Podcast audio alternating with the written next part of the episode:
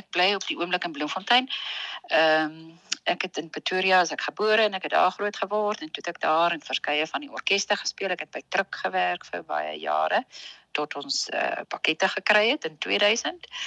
En toe het ons die Kamerorkes van Suid-Afrika begin en toe het ek die pos aanvaar in Bloemfontein vir die altviolis van die Odeon Strykwartet en dit is 'n kwartet wat nou by die Universiteit van die Vrystaat eh, 'n uh, residensie het. Jy gaan in die 16de Junie se konsert as deel van die Johannesburg Filharmoniese Orkees se winterseisoen, jy saam met een van jou kollegas optree.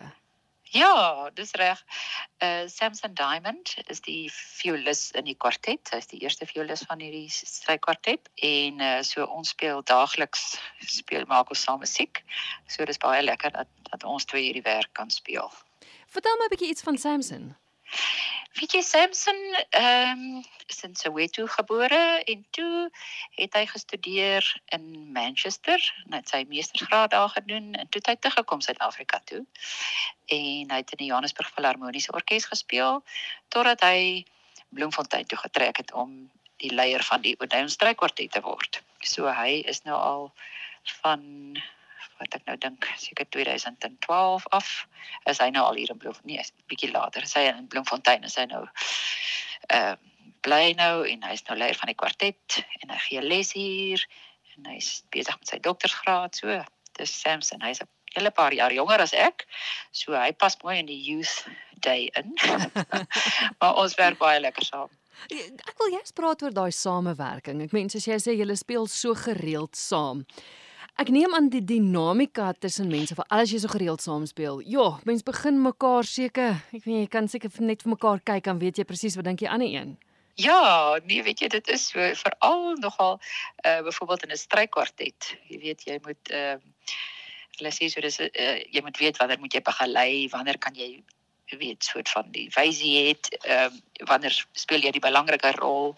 So mense moet mekaar respekteer. Hulle moet soort van dieselfde musikale aanvoeling hê. Uh, as hulle van opinies verskil, moet hulle dit kan uitsorteer. Ja, so dit is nog 'n komplekse werksomgewing omdat dit so intiem is en so belangrik is om weet goed te voel as jy wil musiek maak ook. Jy mm. weet. Um, ek weet daar's van die kwartette wat baie jare self speel wat as hulle op toer gaan, dan bly hulle elkeen in 'n verskillende hotel. so dinge kan rof raak. Vertel my van julle jeugdagprogram as deel van die seisoen. Waarna kan gehoor uitsien? Weet jy ons speel die wonderlike werk van Mozart, uh Sinfonia Concertant. En dit is 'n werk vir viool en altviool saam met 'n saam met die orkes. 'n Concertant in uh ons is 'n soort van deel van die ehm uh, orkespart, sal ek sê dis nie dit is twee solo instrumente wat saam met die orkes uh, amper sal ek sê kamermusiek doen. -hmm. En ehm um, dis 'n wonderlike wisselwerking tussen die viool en die altviool. Jy hoor uh, goed die verskil tussen die twee instrumente en dan ook hoe mooi hulle saam die klankkleure saam uh, smelt. Mozart was self uh, verkies om altviool te speel in die orkeste en so en hy was amper een van die eerste komponiste wat die altviool so solisties gebruik het. So hierdie is 'n wonderlike werk ehm um, weet wat vir die altviool ook tot sy reg laat kom kan ek dan aanneem dat dit nie gereeld gebeur nie dat 'n altviool as 'n solo instrument gebruik word? Weet jy ek ehm um, dis daar heel wat ehm um, kyk daar is verskriklik baie viool konsertos geskryf en baie bekende konsertos geskryf en ehm um, nie so baie soos vir die altviool. So daar eh, so die altviool kry uh, natuurlik nou nie so baie kans om te speel solo hmm. werke te doen nie. In die 20ste eeu is daar nou baie meer werke gekomponeer spesifiek vir die altviool. So ehm um, dit is meer dikwels dat violiste die kans kry om solo te speel.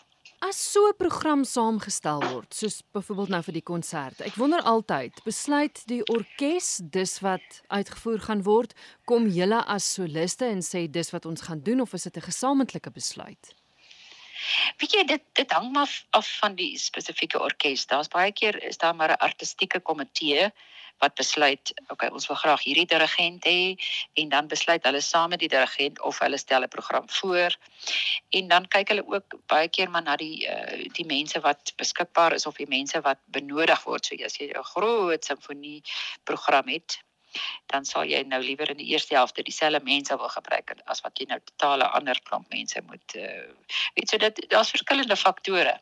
Hmm. Jy weet en dan moet jy ook dink wat sal jy gehoor geniet ehm um, as jy 20ste eeuse musiek uh, speel wat altyd vir ons baie lekker en goed is ook dan uh, moet jy daarom iets bekends ook op die program sit sodat om die gehoor te trek. Hmm. So daar is maar verskillende goeder so dit is nie ehm um, gewoonlik is dit 'n orkesbestuur wat dan soliste nader en sê ons wil graag hierdie werk speel is jy beskikbaar en so aan.